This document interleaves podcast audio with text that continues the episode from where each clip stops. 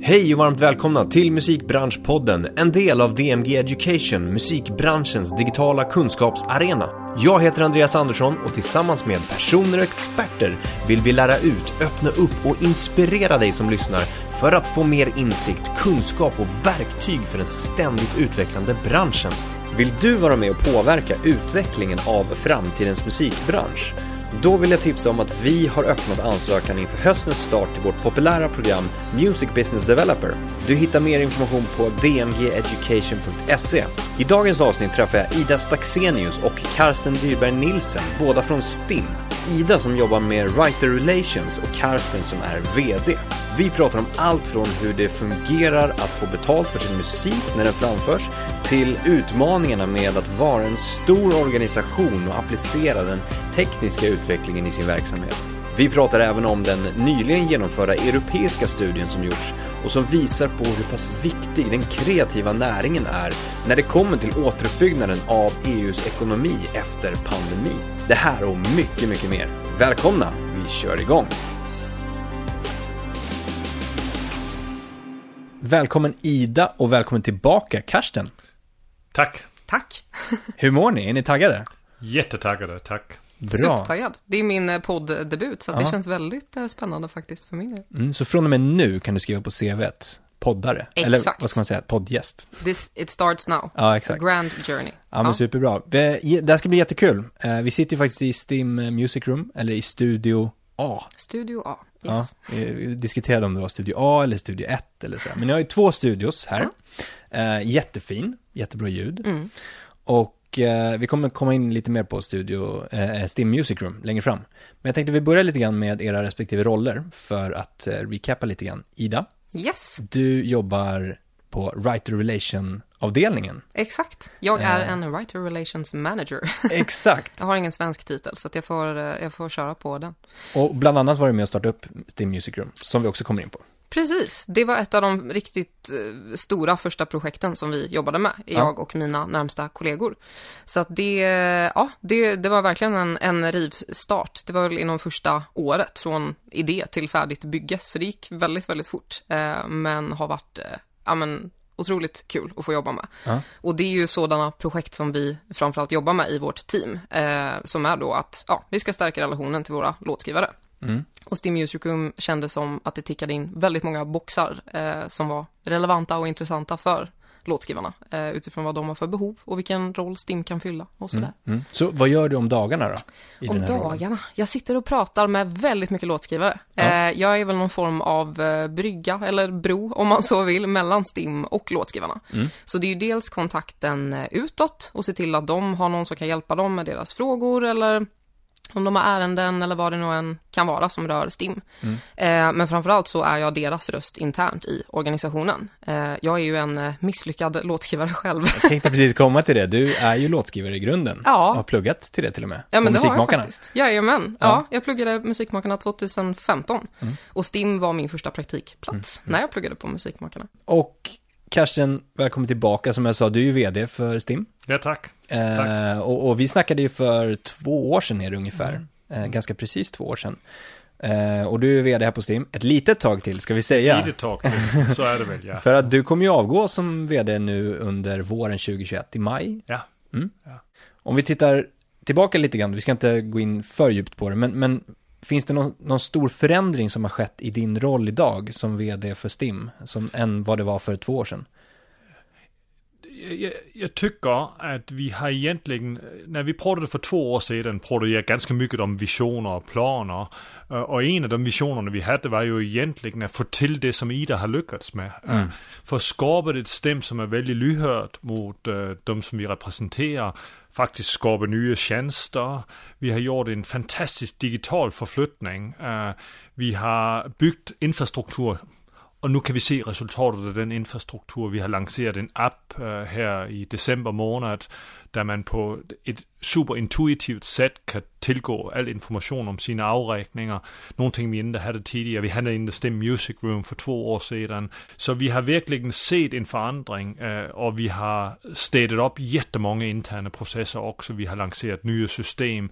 Så allt det vi jobbade på framåt där, där vi pratade för två år sedan, har börjat materialisera sig. sig. Och, mm. och, det är jätteroligt och jag är så glad för att jag fick stanna kvar så länge att jag faktiskt kunde se att, att alla de här tankarna jag har haft sedan jag började på STEM börjar bli verklighet. Mm.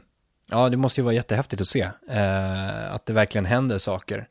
Det tuffar på, minst sagt. Men eh, när vi pratade för, för två år sedan också så, så hade du Eh, vi pratade om ditt vd-skap och hur det lite skiljer sig från andra vds i branschen eller från andra bolag överlag. Att där, där värnar man om, om ett ekonomiskt intresse och du värnar om eh, era medlemmar snarare än det här då. Och eh, det man tänker rent spontant då är ju hur pass nära är du som vd för en organisation på 130 personer är ni anställda, va, för mig. Eh, hur pass nära är du medlemmarna? Jag är inte alls nära på samma sätt som, som, som Ida jag behöver att förstå. Mm. Och jag tror jag har en väldigt bra inlevelsesförmåga. Jag kan sätta mig in i andra människors situation. Och så har vi, när vi pratar, pratar anslutna, en ganska heterogen grupp. Det är många, många olika människor som kommer in med helt olika förutsättningar. Så, så att Ida är en typ av låtskrivare, har en bakgrund och kommer in eh, på ett sätt. Det är bara en. Så jag har förmått att, att de jag pratar med ta till mig det de säger och försöka växla det till, till någonting som, eh, som fungerar i en, i en organisation och ultimativt en leverans av en tjänst till våra, våra, våra anslutna. Men jag är inte med på beatet. Det är inte min roll heller. Jag ska få pianot att spela mm. rätt. Och så har vi andra människor som uh, vet och har känslan för vad som händer nu och här ute på marknaden. Mm. Mm. Härligt. Ida, om vi går tillbaka lite grann, eh, så för något år sedan, mm. eller för ett år sedan, mm. så hamnade du på listan för oh, yes. Nordic Music Biz 2030 ja. i Norden. Helt sjukt. Jätteballt ju. Ja, det, gud vad glad jag blev. Och du är ju faktiskt, en, en, en sidonotis till det är ju att du är den yngsta svenska som har eh, kommit upp på den listan också. Ja, det är också helt sjukt. Ja. Vilken grej. Eller hur? Ja. Um, och, och, och, du var ju en av sex unga talanger som, har, som kom med då, mm. eh, i det här. Kände du dig hedrad på något sätt? Alltså, otroligt. Det, det är ju ganska svårt att få så här vardagliga checkpoints på att jo, men du, du gör något bra. Ja. Och du går i rätt riktning och det gör förhoppningsvis skillnad för dem du vill att det ska göra skillnad för. Och att, att få en, en sån sak, det är det är klart det är kul att få ett litet plack där det står att jag är top 20 under 30. Men det handlar mer om att man får en bekräftelse på att någonting du har gjort har spelat roll för någon. Mm. Så det var framförallt det det betydde för, för mig, för att det har hänt så otroligt mycket sedan jag började på STIM. Från praktikant till där jag är idag. Jättemycket tack till Karstens jobb och hur man har velat jobba som, som organisation i stort. Så det, äh, men det, det var verkligen en, en viktig checkpoint för mig. Och bara, mm. you're doing good, keep going in that direction. Har det gett dig någon liten så här äh, ökad kredibilitet? Vi pratade om det innan. ja, just det. Um, jag vet faktiskt inte. Alltså det är så, det är så knäppt med sådana grejer. Jag, jag la ju liksom låtskriveri och artistdrömmar på hyllan lite för att jag kanske inte ville stå i största centrum utan jag ville hjälpa dem som verkligen är bra på att stå i centrum. Så att jag är väl lite sådär, tack så mycket men nu går, springer jag till mitt hörn och vill inte synas allt för mycket. Så att jag vet inte. Jag hoppas det. Jag ja. hoppas framförallt att folk ser jobbet eh, STIM gör och varför det är viktigt. Och Precis. kan jag vara en förmedlare där så är ju det fantastiskt. Ja. Mm. Ja, men för jag, jag, kan ju själv, vi, vi, pratade om det innan, lite grann, det här mm. med just att alltså, yngre kan ha svårare att på något sätt, eh, eller att behöver bevisa sig väldigt mycket mm. eh, för att bemötas professionellt. Och det kan ju vara både i, i liksom en, en, en business-situation, men det kan också vara i en låtskrivar-session mm. till exempel, att ja, men du är ju bara 16 ändå, att, mm. att sådana kommentarer kan komma och sådär. Eh, så att eh, det är jättebra att sådana här listor finns tycker jag också eh, och lyfts upp. Mm, jättekul. Vi kommer in på lite STIM. Nu pratar vi STIM. Vi är här. Eh, STIM vet de flesta som lyssnar på det här faktiskt vad det är för någonting. Mm. Och vet man inte vad det är, då kan man gå tillbaka och lyssna på Karstens avsnitt för två år sedan och pratade, då pratade vi ganska mycket om, om STIM. Mm. Och i grova drag att ni är en intresseorganisation med väldigt många medlemmar. Mm. Eh, vilket vi ska prata mer om. Men Ida, du har ju koll på flöden och sånt där. Mm. Ska vi bara sammanfattningsvis, mm. väldigt sammanfattat, förklara processen. Hur, hur, hur fungerar det från att en, en låt är färdig, skriven så att säga, och sen så på nå- nå- någonstans så framförs den. Eh, hur ser processen ut till att jag, säg att det är jag som har skrivit låten, att jag får pengar Ja. för den här låten på något Ja. sätt. Visst. Då ska det absolut första man ska göra som låtskrivare är att ansluta sig till STIM. Har du skrivit en låt som har framförts på något sätt eh, live eller du har lagt ut den på Spotify eller om du har ett musikförlag, då ska du ansluta dig med en gång. Då eh, loggar du in på vår eh, jättefina eh, portal, Mina sidor, och det absolut viktigaste är ju att registrera dina låtar. Då finns de i vår databas. Vi kan se att yes, låten existerar, den får en egen kod, eh, ett verknummer och en ISVC-kod, en International Standard Work Code. Och tack vare den, den registreringen så kan ju STIM göra det här arbetet som pågår på otroligt många områden i otroligt många länder. Vi är ju en svensk organisation, men vi jobbar ju internationellt över hela världen och plockar in pengar från Australien, USA, Europa, everywhere where music is being played. Eh, så att ansluta sig, registrera sina låtar, göra det i tid och se till att all data finns på plats. Och mycket svårare än så är det egentligen inte för dig som låtskrivare, för att där kommer vårt jobb in och så ska vi se till att pengarna kommer in. När du pratar data, Ja. vad är det för data ni behöver? Vi behöver en eh, titel, vi behöver en längd på låten, vi behöver ett artistnamn och framförallt behöver vi splitten mellan låtskrivarna. Eh, en split ska alltid gå upp till 100%, det är så vi fördelar eh, våra rättigheter. Så att eh, då ska man komma överens när man har skrivit klart en låt med sina medkompositörer, hur vill vi dela upp detta? Och sen så eh, registrerar man det på STIM helt enkelt. Ehm, alla har ju sitt IPI-nummer som är din identifiering i vår värld, eh, så att vi vet vem det är som ska ha vilka pengar. Så det är helt enkelt bara att gå in och registrera det och då är vi ganska nöjda om vi får det datat. Men jag som låtskrivare kanske tycker att det låter krångligt, att det är koder och det är hej och sådär. Jag vill ju bara se mina pengar eh, strömma in så att säga från eh, att jag spelas i, i ett offentligt sammanhang, i Australien till exempel. Ja. Va, va, varför kommer det pengar till mig? Och hur kommer de till mig? När det kommer till alltså den, den globala insamlingen så samarbetar ju alla, vi och alla STIMs runt i världen. Så att vi är ju ett jättestort nätverk som hela tiden kommunicerar och hjälper varandra. För att alla vårt, vårt gemensamma intresse är att låtskrivare ska få betalt när deras musik spelas. Så även om vi inte kan vara på plats i Australien och se till att du får dina pengar på plats så gör våra kompisar APRA det. Och mot att de gör det för oss i Australien gör vi det för deras australiensiska anslutna i Sverige. Så alla vi samarbetar och tillhör den här paraplyorganisationen SISAC. Så att det funkar väldigt, väldigt fint och vi alla tar hand om varandra så att alla får sina pengar man har rätt till helt enkelt. Om man backar ännu mer, bara för att ännu tydliggöra det för en kreatör som jag själv då, Ja. säger vi, så, så behöver ju, alltså själva pengarna behöver ju komma någonstans ifrån. Mm. Och då är det ju de som spelar upp musik som behöver betala en licens, eller hur? Exakt. Så det är där är någon grundbetalningen kommer in. Ja. Och sen så tar ni in dem och sen fördelar ut dem. Ja men precis. Det, vi har ju relation till kunderna som betalar och till rättighetshavarna som har musiken på själva plattformen. Så vi är ju i mitten av pengar och pengar in och pengar ut processen där. Så precis som att vi har direkt avtal i Sverige med Sveriges Radio, Sveriges Television och ja, överallt där musik spelas offentligt så har respektive organisation det eh, i sitt land.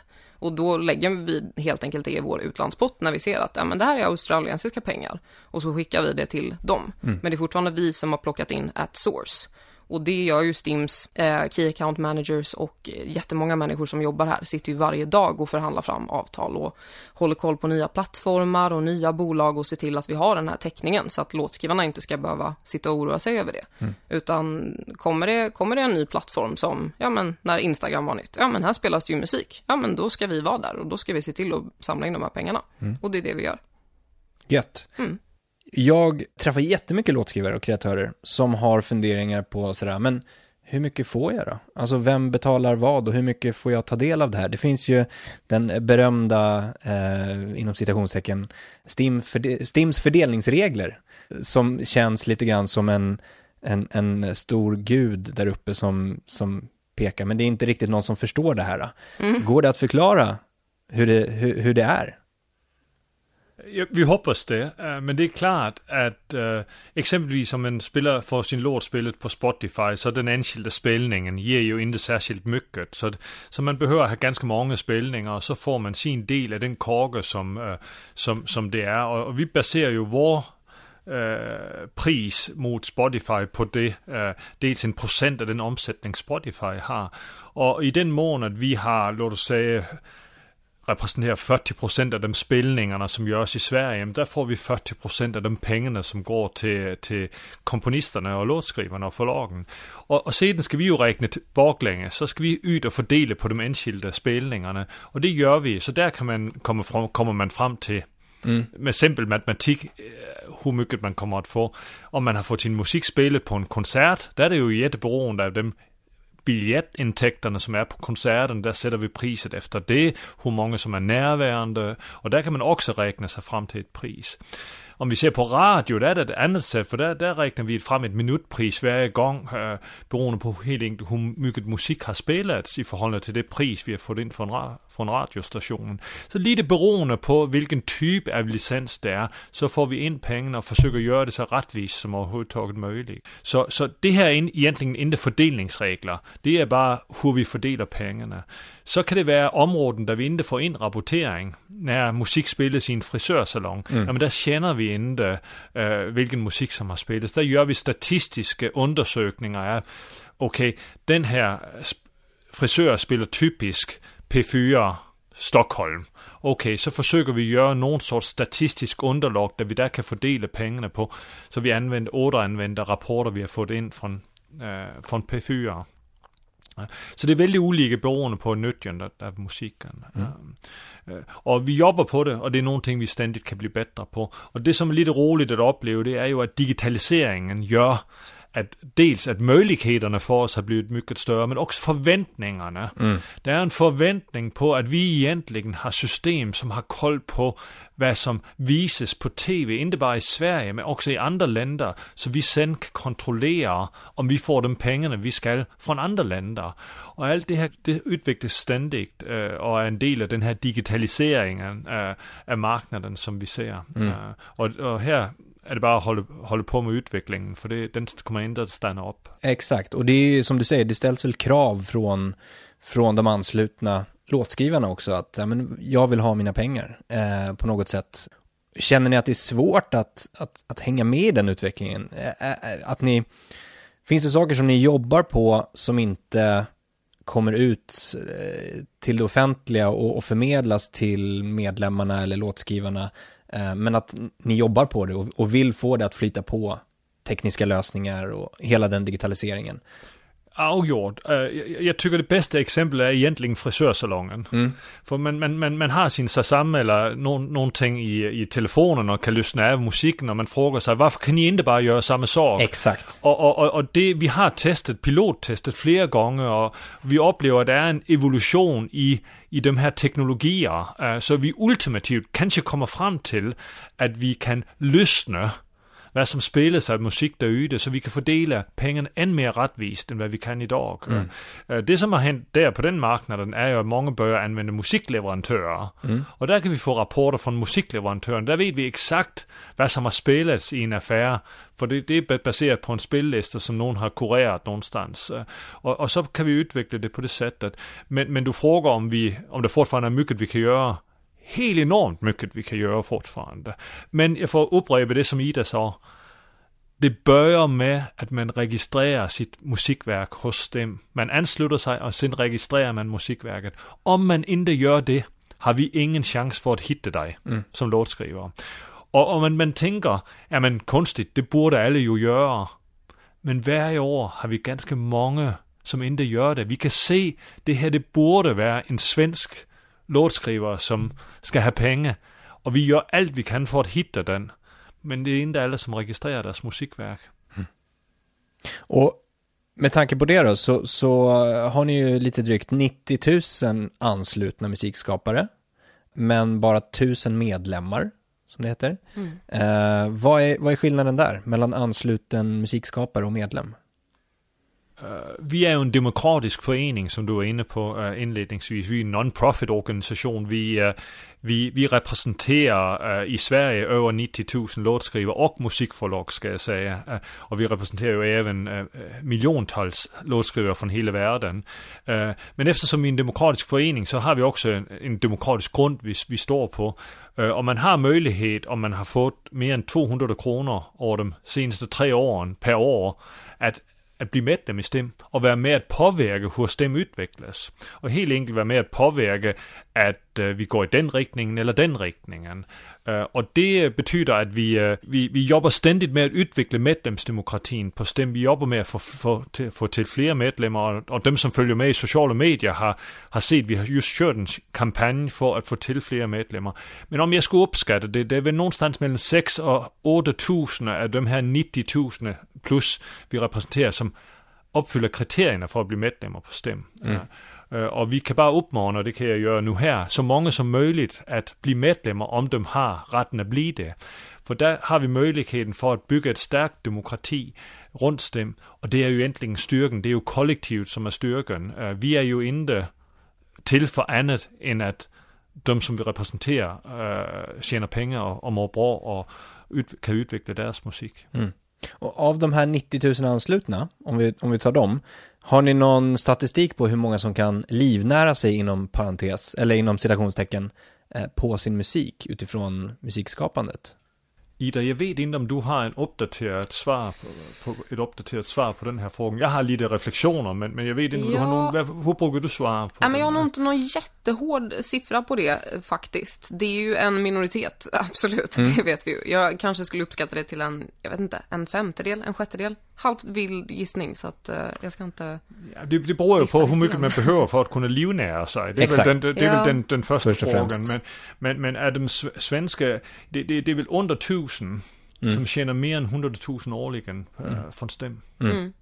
Det skulle jag säga. Mm. Så det är fortfarande Eh, en superstar-ekonomi, äh, äh, det här med låtskrivandet. Mm. Det är någon som tjänar mycket pengar mm. på sitt låtskrivande och som tjänar väldigt bra på det. Mm. Men, men den största delen av de här 90 000 plus vi har anslutna behöver att göra någonting annat för att kunna livnära sig. Mm. Uh, så det är lite mer eller mindre aktiva också, de här 90 000 kan jag tänka mig, som du säger. Mm. Absolut. Jag, jag, igen från, från, bara från huvudet, jag tror väl vi kanske betalar ut årligen kanske till runt 30 000 av de här 90 000 pengar. Så, okay. det, mm. det, det, så det är absolut inte alla som får pengar varje år från STEM för deras musik. Um, Ja, men det är värt att nämna liksom att eh, det kan låta väldigt mycket med 90 000 och, mm. och, och så här, oj, det är så många som kan få pengar för sina verk fram, framförda sådär. Mm. Uh, men precis som du säger, alla är inte bara låtskrivare utan man är kanske artist, man kanske har eh, andra inkomstkällor uh, som kreatör eller artist. Uh, mycket viktigt. Mm. Um, Finns det någon skillnad om, i, i liksom hur ni jobbar mot eh, liksom redan anslutna med uh, musikskapare, de här 90 000, och up and coming artister, låtskrivare ifrån, ja men som kommer antingen yngre generationen eh, som växer upp och blir låtskrivare eller ja, de som kanske helt plötsligt sadlar om och blir låtskrivare i, i senare ålder. Finns det någonting, jobbar ni olika eh, mot de här olika målgrupperna? Alltså alla har ju väldigt olika, olika behov såklart och mm. det är väl framförallt när det kommer till ja, men hur mycket kunskap man har.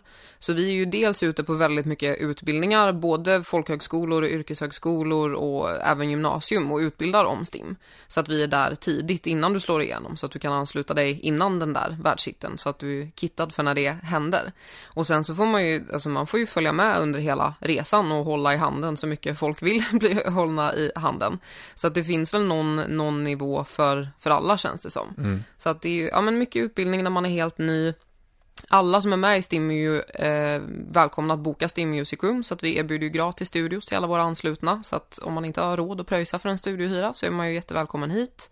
Eh, vi har en otroligt duktig serviceavdelning och även mitt team som jobbar med writer relations, så vill man komma in på ett möte eller göra en liten utfrågning eller bara lära sig ännu mer så är man alltid välkommen hit till oss eller boka ett möte med oss och vi, vi vill ju höra hur ni, hur ni har det och hur vi kan bli bättre. Mm. Så att det, det finns väl alltid någon, någon nivå för alla skulle jag säga. Och vi är ju som Karsten sa innan, vill vara väldigt ny, lyhörda. Mm. Och eh, ja, med att vara en medlemsorganisation så måste man anpassa sig ut efter medlemmarna.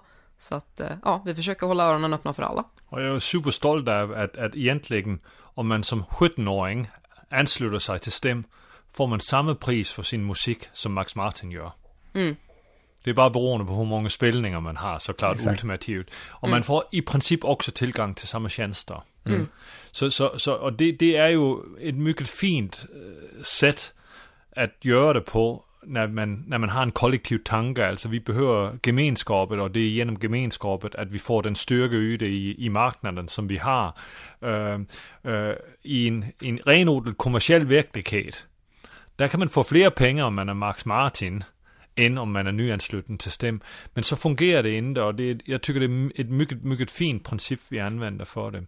Jag, jag vet att det är lite annorlunda i USA där det är konkurrens mellan mm. den här typ av sällskap som STEM är. Precis. Och där blir det the winner takes everything mm. Och inte bara uh, det de är mm. berättigade till. Mm. mm.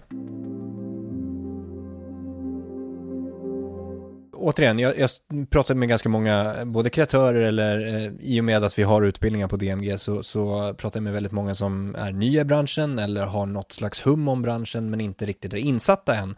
Och den, den eh, vanligaste uppfattningen om vad STIM är, är att det är någon slags statlig organisation och de samlar in några pengar för någonting, eh, men man vet inte riktigt. Mm.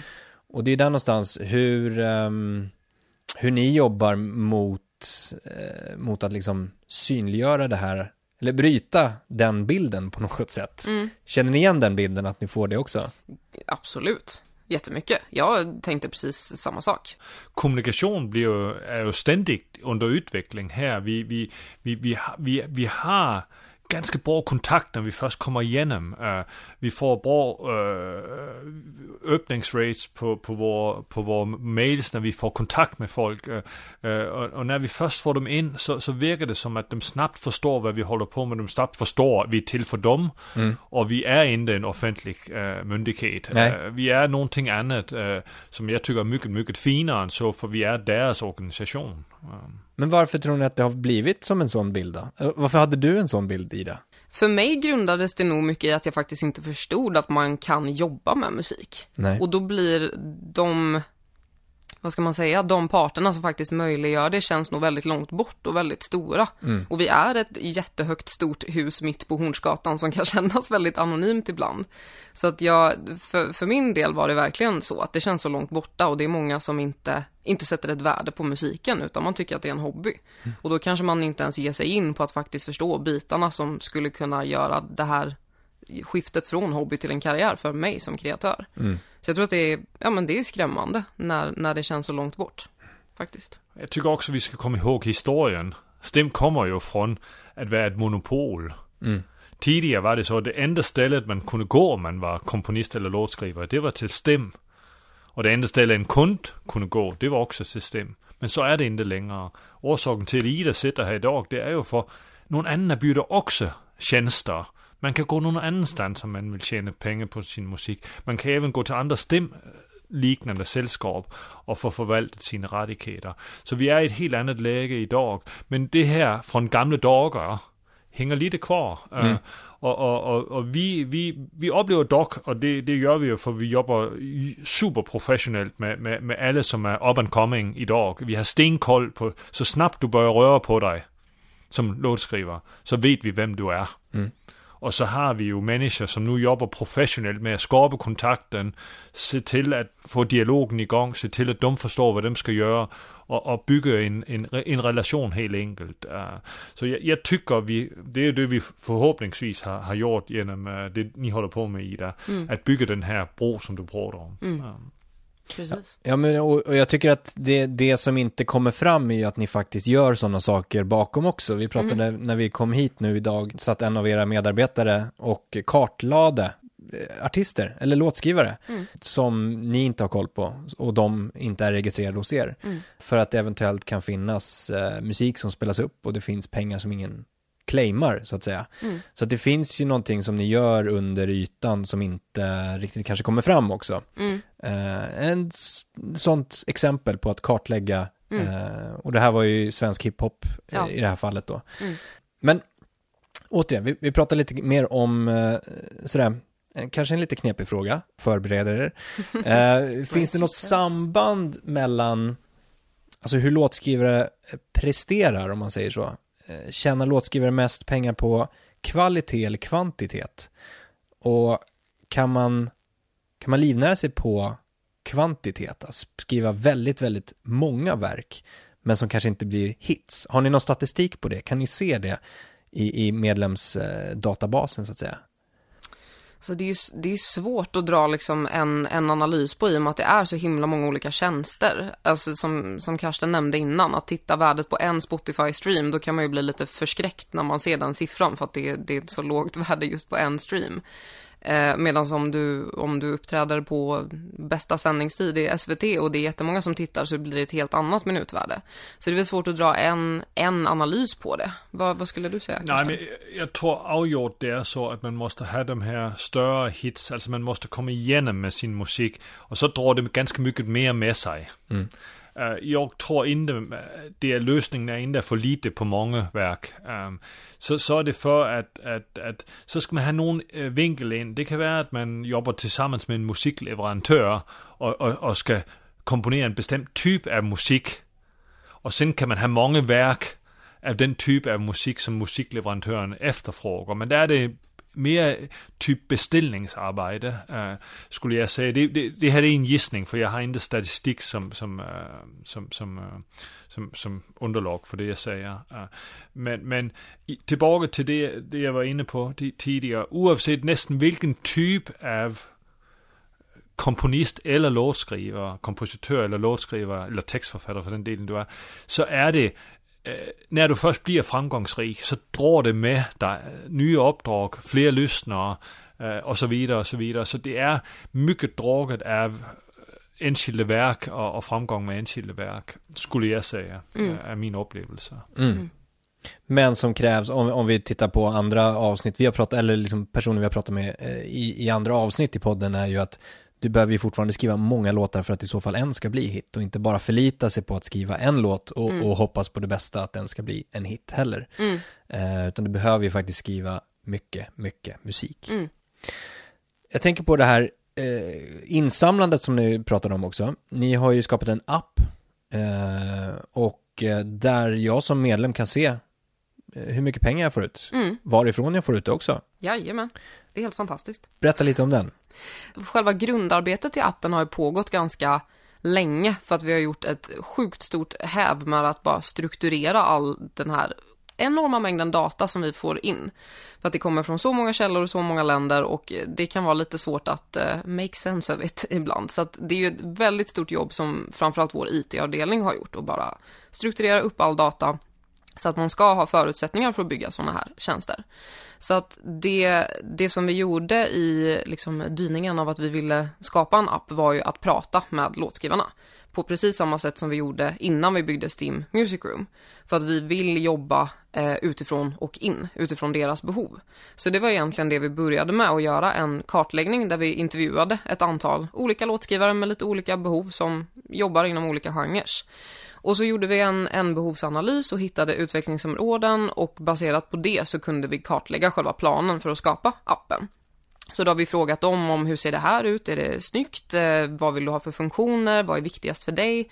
Vill du kunna registrera dina låtar? Är det viktigare att du kan se ekonomisk historik per verk? Vi gjorde en, en jättestor kartläggning.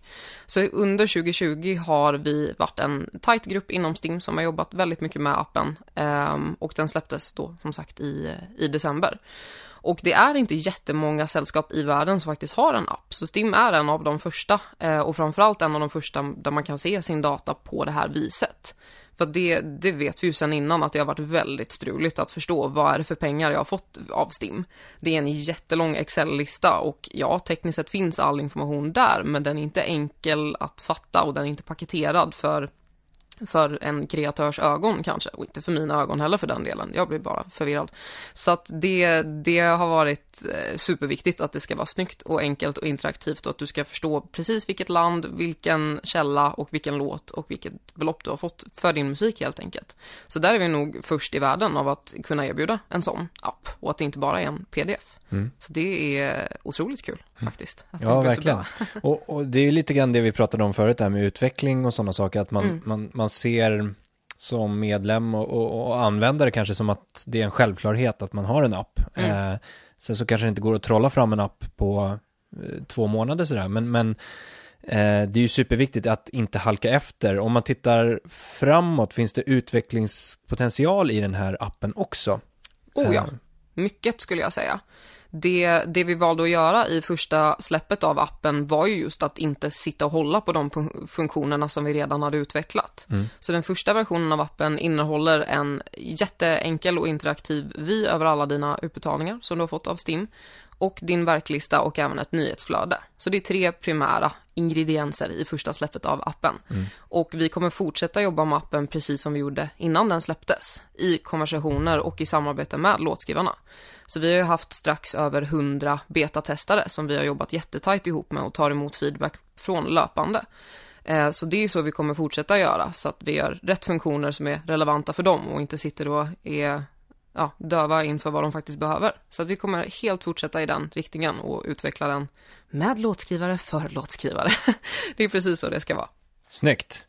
Jag tänker på det här med utbetalning också. Det har ju varit förut ganska så sekt om man eh, tittar från ett låtskrivarperspektiv, att det tar lång tid.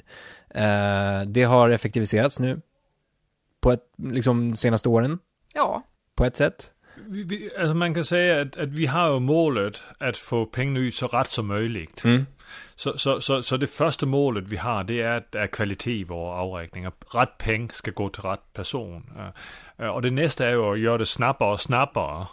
Uh, men det, det ene får inte vara på bekostnad av det annat. Um, så vi jobbar på att få pengarna ut snabbare, men vi kan också se att det är ganska långt, det, det, det tar tid innan vi får in rapporter från livespelningar, det tar tid innan vi får in øh, usage reports från Spotify så vi i slutändan kan avräkna. Så även om vi, vi delar ambitionen om att få ut pengarna snabbare, så, så är det faktiskt uh, en utmaning för oss att göra det mycket snabbare. Mm. Uh, man kan börja göra det på statistik, alltså på statistisk underlag, så man delar ut, betalar ut en del pengar. Det är, det är något vi kikar på om det är görbart, utan att vi tar för stora risker.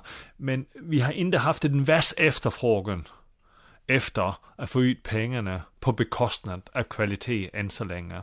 Det är när vi verkligen trycker på frågan så är kvaliteten en viktigare faktor än snabbheten. Okej. Okay. Mm. Ja, för det, det, det kommer ju jag tänker på så här, teknisk utveckling framåt, blockchain-tekniker och det kommer liksom kunna bara jacka in och få, få transaktioner direkt. Mm. Man tänker ganska snabbt på Swish, man tänker på all utveckling kring det. Varför går det inte snabbare? Men man förstår ju det här med att det behöver ju samlas in på något sätt, sen så behöver det ju kureras och, och, och fördelas och, och, och, hittas rätt. Um, men uh, som du var inne på, den här lösningen med att hitta någon slags, inte förskott, men det blir ju nästan en slags utbetalning, förskottsutbetalning på framtida intäkter om man tittar på statistik bakåt sett då. då. Um, vilket kanske blir svårt i ny, ny, nysläpp av musik. Uh, men tittar man statistiskt på de här tusen kanske, som ändå kan livnära sig på det, så, så kanske det kan vara någonting. Vi får väl se. Samtidigt så har ju de en löpande kan jag tänka mig också, eftersom de redan kan livnära sig på det, så har ju de en, en, kontinuitet i utbetalningen också. Och du får inte den klumpsumman som du ska leva på i, i ett år till exempel. Ja, men du har helt rätt, men vi, man måste vara uppmärksam på, det är ju inte våra pengar. Nej. Det är ju våra anslutnas pengar vi hanterar. Så, så om vi börjar betala ut förskott exempelvis, så tar vi en risk mm som andra i princip betalar för. Och det är inte oss som betalar för det, det är andra rättighetshavare. Och, och, och, och, och därför ska vi, vi det, det är väldigt känsligt om vi börjar göra så, även om det kommersiellt sett kanske ger mening. Men eftersom det inte är våra pengar så är det øh, äh, någonting som vi är väldigt, väldigt varsamma med. Jag kan ju säga att vi äh, i anknytning till pandemin äh, øh, förra året beslutade faktiskt att, att, att betala ut äh, förskott till, till, till våra anslutna för första gången vi satte av 50 miljoner och, och, och jag kommer inte ihåg exakt, men det var över 400 som sökte om att få ett förskott som øh, de sedan kunde räkna av de nästa tre åren över deras avräkning. Så där, just där, øh, förra året såg vi ett behov och vi mötte det behovet øh, och det var extraordinärt på grund av, på grund av pandemiläget. Mm. När vi ändå är inne på det här med utbetalning och eh, digitalisering, stora tjänster, eh, nya digitala tjänster. Vi pratar allt från YouTube till, du var inne på Instagram, eh, Facebook och alla sådana plattformar där det används musik. Ehm, vi pratade faktiskt om det för två år sedan till och med. Mm, mm. Ehm, har vi, eller har ni lyckats bygga upp någon slags eh, bra samarbete, bra relation, bra infrastruktur för hur det här framåt kan liksom fortsätta hanteras? Uh, en av de stora förändringarna som har skett i marknaden, jag tror vi pratade om det för två år sedan också, jag har inte varit inne och lyssnat på vårt podcast från då, men, men det, en av de stora förändringarna som har skett, det är ju att vi pratar om globala tjänster. Mm. Vi pratar om att uh, Spotify är tydligen en global tjänst, men låt oss ta TikTok som ett exempel, är en global tjänst. Och, och, och, och de är ju inte, kommer ju inte till oss i Sverige och säger nu, nu vill vi ha en licens. Så vi, vi har ju byggt internationella samarbeten där vi har poolat äh, øh, rättigheter tillsammans med andra sällskap som stämmer, andra rättighetshavare. För att vi kan, vi kan komma till förhandlingsbordet och säga till TikTok, vet ni, ni använder musik, ni tjänar pengar på det, vi behöver få en pri, ett pris för det. Och, och jag tycker vi har byggt den styrka i att kunna komma till bordet. Vi kommer till bordet tidigt. Vi är ofta de som tidigast har den här typen av licenser. Facebook var ett sådant exempel. Vi var det första förvaltningssällskapet tillsammans med dem vi jobbar tillsammans med där i, i, i den licensieringssamarbetet. Det var, vi var först ute med licenserna. Uh, øh, så vi gör det ständigt för att få till øh, bra pengar till våra anställda. Men det är svårt. Ett annat exempel där vi kämpar just nu, det är Twitch. Mm. Twitch är, är de, de, de, det är ju egentligen inte byggt runt musik. En där lyssnas på musik på Twitch. Mm. Och det skapar någon sorts mervärde. Där någon tar ut ett pengevärde av att kunna byta det. För hela miljön, atmosfären skapas genom musiken. Vi ska ta del av det. Men att komma till att prata med Twitch om det här, det är inte helt enkelt. Och jag är glad för att vi jobbar tillsammans med andra för att komma dit. Mm, mm. Och, och apropå, alltså Spotify ändå är ju ändå ett, ett nära Eh, nära till hand, som man säger så, som är svensk eh, mm. eh, grundat. Har ni någon bra relation med dem och har, för ni liksom direkta samtal med dem kring, eh, kring sådana här saker också? Alltså, vi hade ju fördel av att Spotify låg ganska nära oss. Så jag tror vi var en av de första som eh, Spotify tecknade en licens med eh, när de etablerade sig. Men sedan dess har Spotify ju gått från att vara en, en svensk, eh, en, ett svensk företag till att vara ett globalt företag med, med huvudsäte utanför Sverige. Vi licensierar Spotify genom uh, vårt internationella joint venture, uh, ICE. Uh, så, så den relationen i den där förhandlingen sker genom vårt samarbete. Och det är där genom vår primära relationen, eh, relation øh, är. Men det är viktigt att understryka, Spotify vill göra rätt för sig. De vill betala, de, le de lever av att ha ett välfungerande mu musikaliskt ekosystem. Så de vill göra rätt för, vi förhandlar alltid pris med dem, det är klart. Vi vill ha mer än vad de vill betala och det är vår, vårt uppdrag att se till att vi ständigt kämpar för att få höja prisen. Men det är någonting annat. Men vi har en bra relation till Spotify och de har alltid velat göra rätt för sig och det är viktigt att understryka. Mm. Vad, har ni, vad känner ni att ni har för leverage där så att säga när ni förhandlar om att vi vill ha mer betalt för, till våra medlemmar för musik eh, kontra att de har de är ett, ett globalt techföretag eh, som nu vill expandera och nu i veckan nu när vi spelar in det här så, så, så släppte de nyheten att de ska expandera ut i 80 nya länder till exempel. Vad, hur, känner ni att ni har någon slags kraft att komma med i den förhandlingen? jag personligen tycker avgjort vi har det. Mm. Uh, för, för man kan väl ultimativt säga, dit är vi inte alls med Spotify, men ultimativt kan vi ju säga, lyssna, ni får inte använda vår musik. Mm.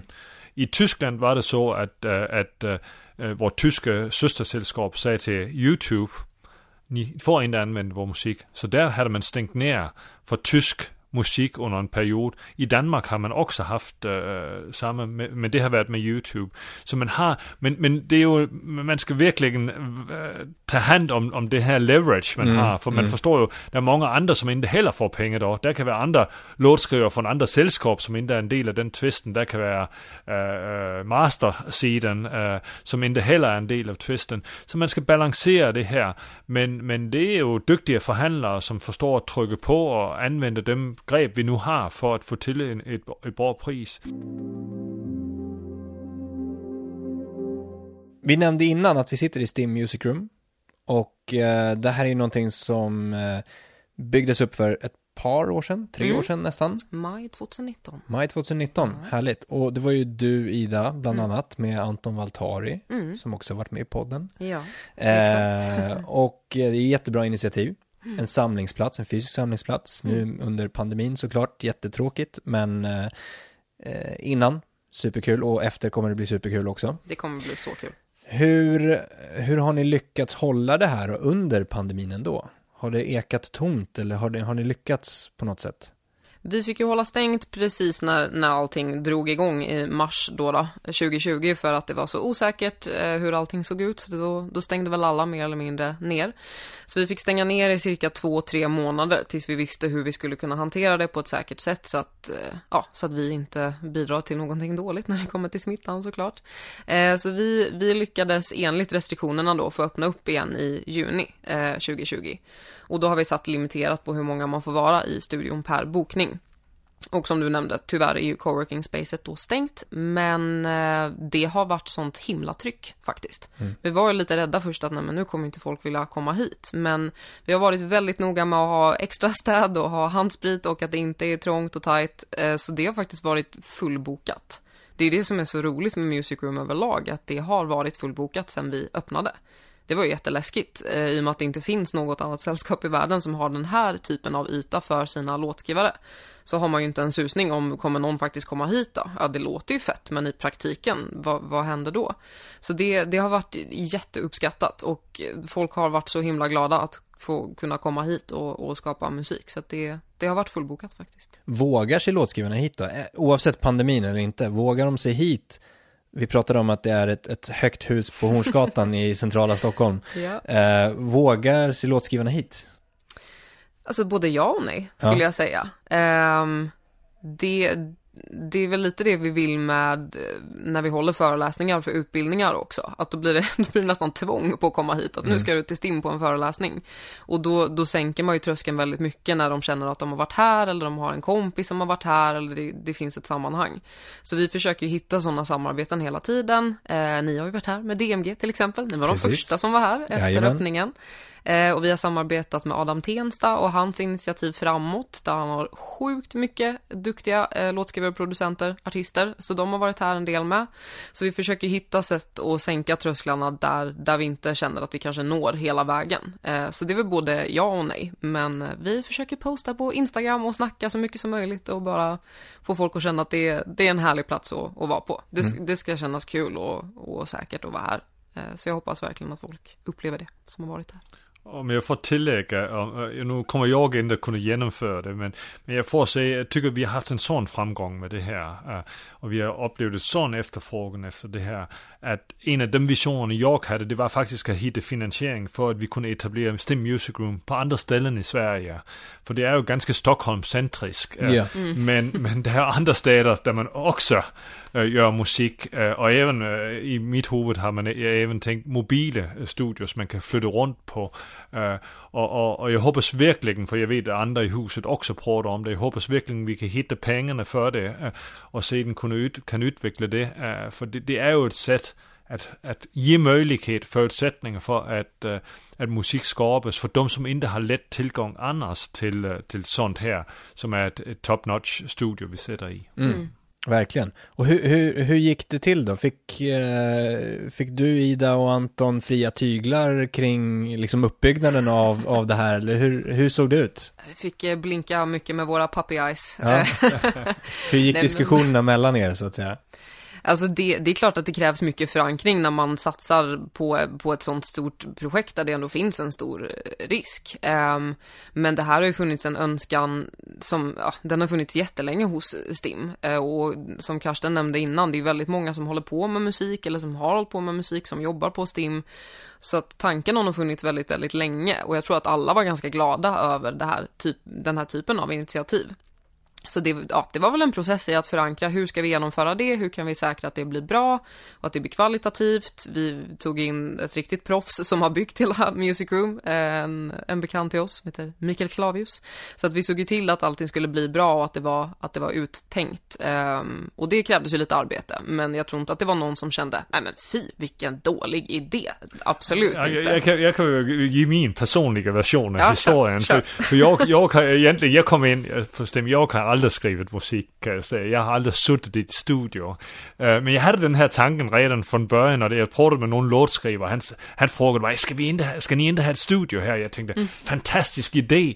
Men det blev ju faktiskt först en fantastisk, fantastisk idé där vi kopplade det till, det till STIMs strategi med att få tag i våra anslutningar på ett annat sätt. Och det jag tycker som har varit så framgångsrikt, ni har ju utvecklat ett koncept och det var när vi fick till ett koncept runt, det är ju inte bara ett studio. Nej.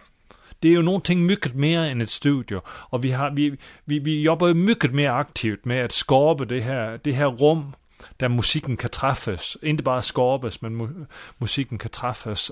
Och, och, och, och, på så vis tycker jag att vi har fått en sån utväxling från något, något som alla kan säga, vi ska ha ett studio.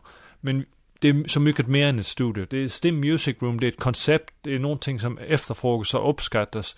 Så för mig, hela den där resan från en tanke om en studio till att vi faktiskt sitter i någonting som har en sån sammanhang med Stims strategi om att få øh, komma ut och, och möta behoven ute hos våra anslutna. Det tycker jag, och det är inte min förtjänst, det, det är Ida och gänget som øh, förtjänar beröm för det. Vad är ambitionen framåt? Om vi, om vi om man får vi, drömma. Vi leker lite med tanken att vi... Drömmer Ida, jag är nyfiken. Ja, drömmar så det räcker att bli över. Oj, oj, oj. Kör nu, vad är nästa innovationssteg för STIM? Wow, uh, ja. Nej men alltså det, det, är ju verkligen att komma, komma bortom Stockholm och alltså om, om man får drömma bortom Sverige också. Vi har ju låtskrivare över hela världen. Alltså, svenska låtskrivare dominerar ju K-pop och J-pop borta i Asien. Vi har otroligt mycket framgångsrika låtskrivare i LA och i USA. Alltså, vi, vi, finns ju överallt. Så att hela det här konceptet bara skulle kunna få växa och bli internationellt och bli ännu mer tillgängligt är väl verkligen min, min framtidsvision. Mm. Att det inte ska bli för Stockholmferat liksom. Uh, så att, ja men, bigger, better, faster, stronger. Nej. Nej men i takt med låtskrivarnas behov tillsammans med dem och bara fortsätta framåt. Om jag får tillägga, ett sätt vi kan bli än mer framgångsrika med det här på, det är om vi blir än bättre till att utveckla mångfalden. Alltså få olika typer av musik att träffas här. Så det inte blir för ens, alltså det inte blir för likt säger man på svenska. Men, men att vi får den här variationen och den här mångfalden. Och, och, och jag tror vi kan göra jättemycket men det kräver mycket innovation från vårt håll för skapet eh, øh, øh, den, det här gemenskapet på tvärs av genre och, och, och typ av musik man, man, man, man, uh, man komponerar. Mm, verkligen. Och jag associerar lite grann med det du nämnde också, det här att du inte riktigt visste vad det gick att jobba med i musikbranschen mm. tidigare. Eh, vilket är väldigt vanligt. Jag har pratat med andra poddgäster om det här just att Ehm, kommer man inte från en, en naturlig eh, musikmiljö där man förstår att det går att livnära sig så, så är musikbranschen som sådan väldigt ouppnåelig. Och, och, det ser liksom väldigt, väldigt stort ut och som ett fort som man aldrig kan ta sig in inom. Eh, både som, som kreatör men också som att jobba bakom musiken.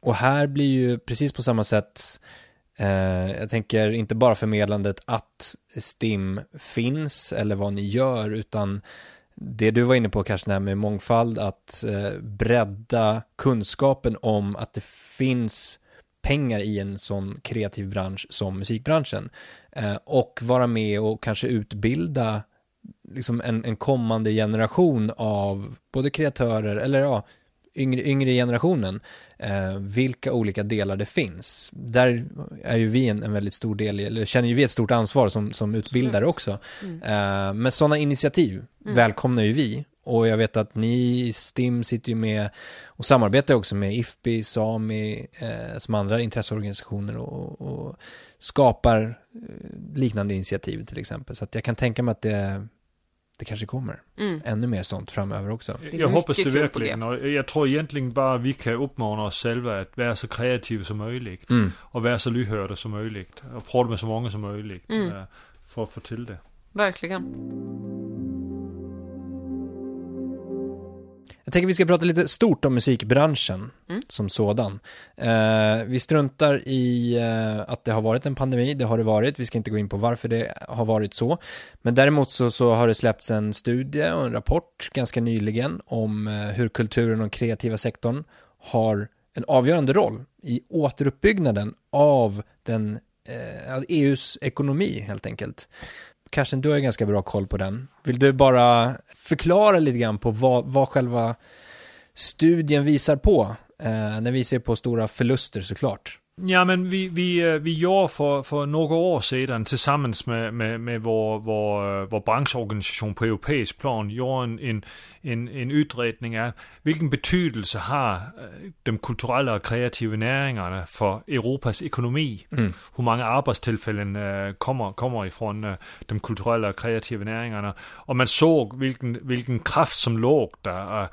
Vi ju, jag tror vi är fyra gånger så stora Øh, de kulturella och kreativa näringarna som automobilindustrin. Mm. Alltså bara för att man har en känsla för, för hur viktiga vi egentligen är. Vi står för över 4 procent av, av den, den, den ekonomi som kör runt øh, i Europa.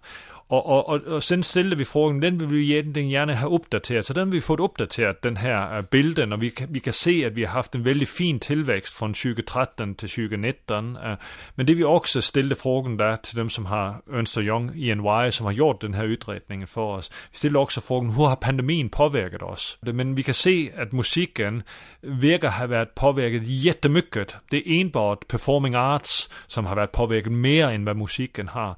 Så, så øh, Ernst Young, ENY, kommer frem til, at, at på europæisk plan, at musikken har forloret 76 procent af sin, uh, af sin uh, man kan sige, sin økonomi uh, under pandemien her. Og, og det ser vi jo som nogle ting, som er super alvorligt.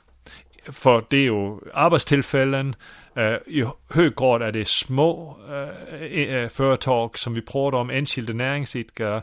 Så det, det, det, det, det är väldigt sårbara konstruktioner. Och därför så, så är det, vi uppmärksammar ju det här för att vi vill säga politikerna måste ständigt vara uppmärksamma på att det är om, om de inte tar hand om det här kan man efterlämna det här efter sig och vi riskerar att, att inte kan få igång i musiken igen efteråt. Um, så det är det ena vi har varit inne på. Det andra är att vi har en stark tro på att en sån dynamisk och kreativ industri som øh, i vårt fall musikindustrin, att om vi får den stöd och den hjälp vi behöver så kan vi genom att vi är så snabbfödiga, eller vad säger man, vi är så snabba på fötterna, att vi faktiskt kan hjälpa att få igång i ekonomin efteråt igen. Och det tredje är ju, vi längtar efter kultur. Vi längtar efter att lyssna på musik. Vi längtar efter att gå och se en te teaterpjäs. Vi måste säkra att det är där när vi är redo för det igen. Och den här undersökningen øh, med ganska stor kraft visar på förlusten vi har haft, vikten av att vi faktiskt øh, faktiskt får det här igång igen så snabbt som det överhuvudtaget går. Och just nu kör vi ju en kampanj för att se om vi kan få lämpet reglerna så mycket så vi faktiskt kan börja lyssna på levande musik igen. Mm. Um, någonting vi också gör på europeisk plan, alltså vi gör det gemensamt med våra, våra systersällskap runt i Europa. Ja, men det är en, en, viktig, eh, en viktig studie som, som behöver eh, lyftas upp ännu mer. Eh, framförallt mot, som du säger, politikerna och ni jobbar väl ganska mycket med lobbyarbete mot eh, politiken. Um, men när man läser så här studien så nämner den bland annat oschyssta spelregler för globala plattformar och mellanhänder på nätet, det var lite grann det vi var inne på, mellanhänder på nätet som riskerar eh, den ekonomiska kraften, jobbskapande, det här är citat från rapporten då, eh, innovationer och investeringar i sektorn. Det låter ju väldigt stort och, och sådär, man, man tänker vad, vad, betyder det här för någonting? Eh, man förstår att det betyder att, eh, att kulturen behövs, som du förklarade nu då. Men vad, vad kan politikerna göra för någonting rent konkret? Jag, jag får verkligen säga att politikerna har redan gjort något. Mm. Den, de är upp, uppmärksamma på det här problemet. Och vi, vi, vi försöker bara säga, mer behövs. Vara uppmärksamma på det här, se till att säkra att det här det, det sker. Just nu pratar vi om, kan man planera för att göra en konsert till sommar, eller en festival till sommar? Vågar man ta en risk för någonting som kommer att ligga i framtiden? Jamen kanske någon ska gå in och säga, ta den risken du och sen, sedan sätter vi någon procentdel av din förlust om det inte blir av på grund av pandemin. Det, var, det är ett exempel på någonting man proaktivt kan göra. För om man gör det så vet vi att så snabbt det går att göra så kommer vi at ha levande, uh, øh, levende musik igen. Men en annan av de grundförutsättningarna som vi har jobbat mycket med och som jag kommer ihåg vi pratade om när jag var, øh, uh, pratade med dig för två år sedan, det är copyright-direktivet. Och copyright-direktivet är ju i sin grund Øh, det vi står, altså eller upphovsrätten är det vi står på när vi ska ut och, og tjäna pengar på, på, på vår musik. Och øh, för oss är det viktigt att vi får till en bra implementering av direktivet i svensk rätt. Förra gången vi pratade hade vi, vi just øh, kommet kommit dit, da vi skulle beslutte besluta om det på europæisk plan, men nu ska det implementeras i svensk rätt. Och det betyder att det är viktigt för oss att vi får en implementering som är väldigt likt den, de tankarna som var bakom copyright-direktivet, som var att stödja att de som äger upphovsrätten också har någon sorts röst mot de här globala jättarna som tjänar så oerhört mycket på det kreativa innehållet. Øh, så det är det, och det, det, jag tycker också det är det vi försöker säga i, i, med, med undersökningen här. Det är ett behov för att säkra att de här grundläggande förutsättningarna ständigt är på plats för att vi faktiskt kan tjäna pengar på musiken. Mm. Och just, nu gled du in på det upphovsrättsdirektivet, jättebra. Och, och eh, det, här, det här handlar ju om mig, och nu tar vi mig återigen, jag är ju inte en kreatör i den märkelsen heller, jag lämnade det som du gjorde Ida, för länge sedan bakom mig. Men vi, om vi tar det som ett exempel, att, att, vad betyder det konkret för mig att jag får den här rösten mot de här stora teknikjättarna? Hur, får jag några mera pengar eller hur, vad, vad är ambitionen om man säger så? Det är en förutsättning för att vi får pengar överhuvudtaget. Ja. Så det är det första. Det nästa är att vi också genom den här lagstiftningen kan börja ställa krav på den data vi får ifrån dem. Och det betyder ju att vi, vi, vi jobbar ständigt med att de ska respektera att det enda sättet vi kan fördela pengarna rätt till dig, mm. och det är dig äh, som låtskrivare, det är om vi får bra data från dem för användarna. Och nu har vi haft en licens jättelänge med Facebook. Och man skulle tro att Facebook, om någon hade koll på deras data, de kan fortfarande inte leverera den datan på ett sätt så vi kan använda den för att fördela äh, øh, pengarna vi får ifrån, sport, äh, øh, från Facebook. Och, och, och, så, så vi hoppas att med en sån här lagstiftning så stärker det vår ställning i de här dialogerna vi har men de här jättarna. Vi har faktiskt ett krav på att de kan rapportera och visa på vilken musik de har använt. Och det har konkret betydelse för dig. Så är det mycket enklare för oss att hitta din musik när den har spelats på, om det är Facebook eller det är YouTube. Mm. Men det finns ingenting konkret som säger så här att, att uh, YouTube kommer betala så här mycket per minut för, Nej, för det användning av låtar. Vi har ingen önskan om, om en sån marknadsreglering. Vi har egentligen bara ett önskan om att få schyssta villkor mm. när vi ska förhandla och sätta oss vid förhandlingsbord. Och så är det hela syftet med det här, det är att vi på samma sätt som vi alltid gör med våra, våra, våra motparter. Det är att vi sätter oss ner och pratar om, vad är ett rimligt pris här? Hur vi ska förstå vilket värde som skapas. Och det är ganska komplicerat med en kund som exempelvis YouTube, för de har så många källor mm. där de tjänar deras pengar. Mm. Så vi ska förstå, hur får vi del av det här värde som vårt, det vi äger, mm. äh, äh, äh, är med att skapa.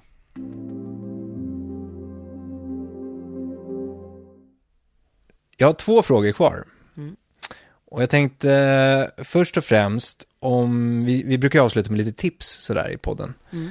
Och om ni eh, får vara lite självkritiska och ge tips till er själva, eh, eller ge tips till STIM rättare sagt. Mm. Så vi, vi sätter in er i, i antingen konsumentperspektivet eller kreatörsperspektivet och det arbete som görs.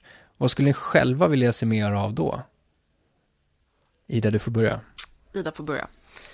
Ehm. Nej, men det, för mig handlar det verkligen om att sätt, aldrig glömma en låtskrivares vardag. Det är lätt för mig som är anställd på STIM att sitta där och bara, åh, nu var det den 25 och nu fick jag min lön, vad skönt, då kan jag gå hem och köpa min mat och betala min hyra. Man får aldrig glömma att de som vi jobbar för och de som vi har ett uppdrag gentemot inte lever den verkligheten nödvändigtvis. Och man får aldrig sluta att ha respekt och förståelse för det när man sitter här på kontoret och, och jobbar och försöker hova in deras ersättning och deras rättigheter.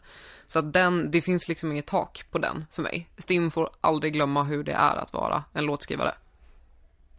Det tycker jag. Det går ju inte att ge ett mycket bättre svar än så. Vi ska vara lyhörda. Alltså vi ska, och vi kan bli än bättre på det. Vi kan bli än bättre på att förstå de här komplexa behoven som är hos, hos våra anslutna. Men det var inte det jag ville säga. Jag, jag tror att om vi ska ha framgång med det, så ska vi vara modiga. Och mycket mer modiga än vad vi varit hittills. Vi kommer från en lång tradition och vi behöver att våga göra nya saker och testa av nya saker.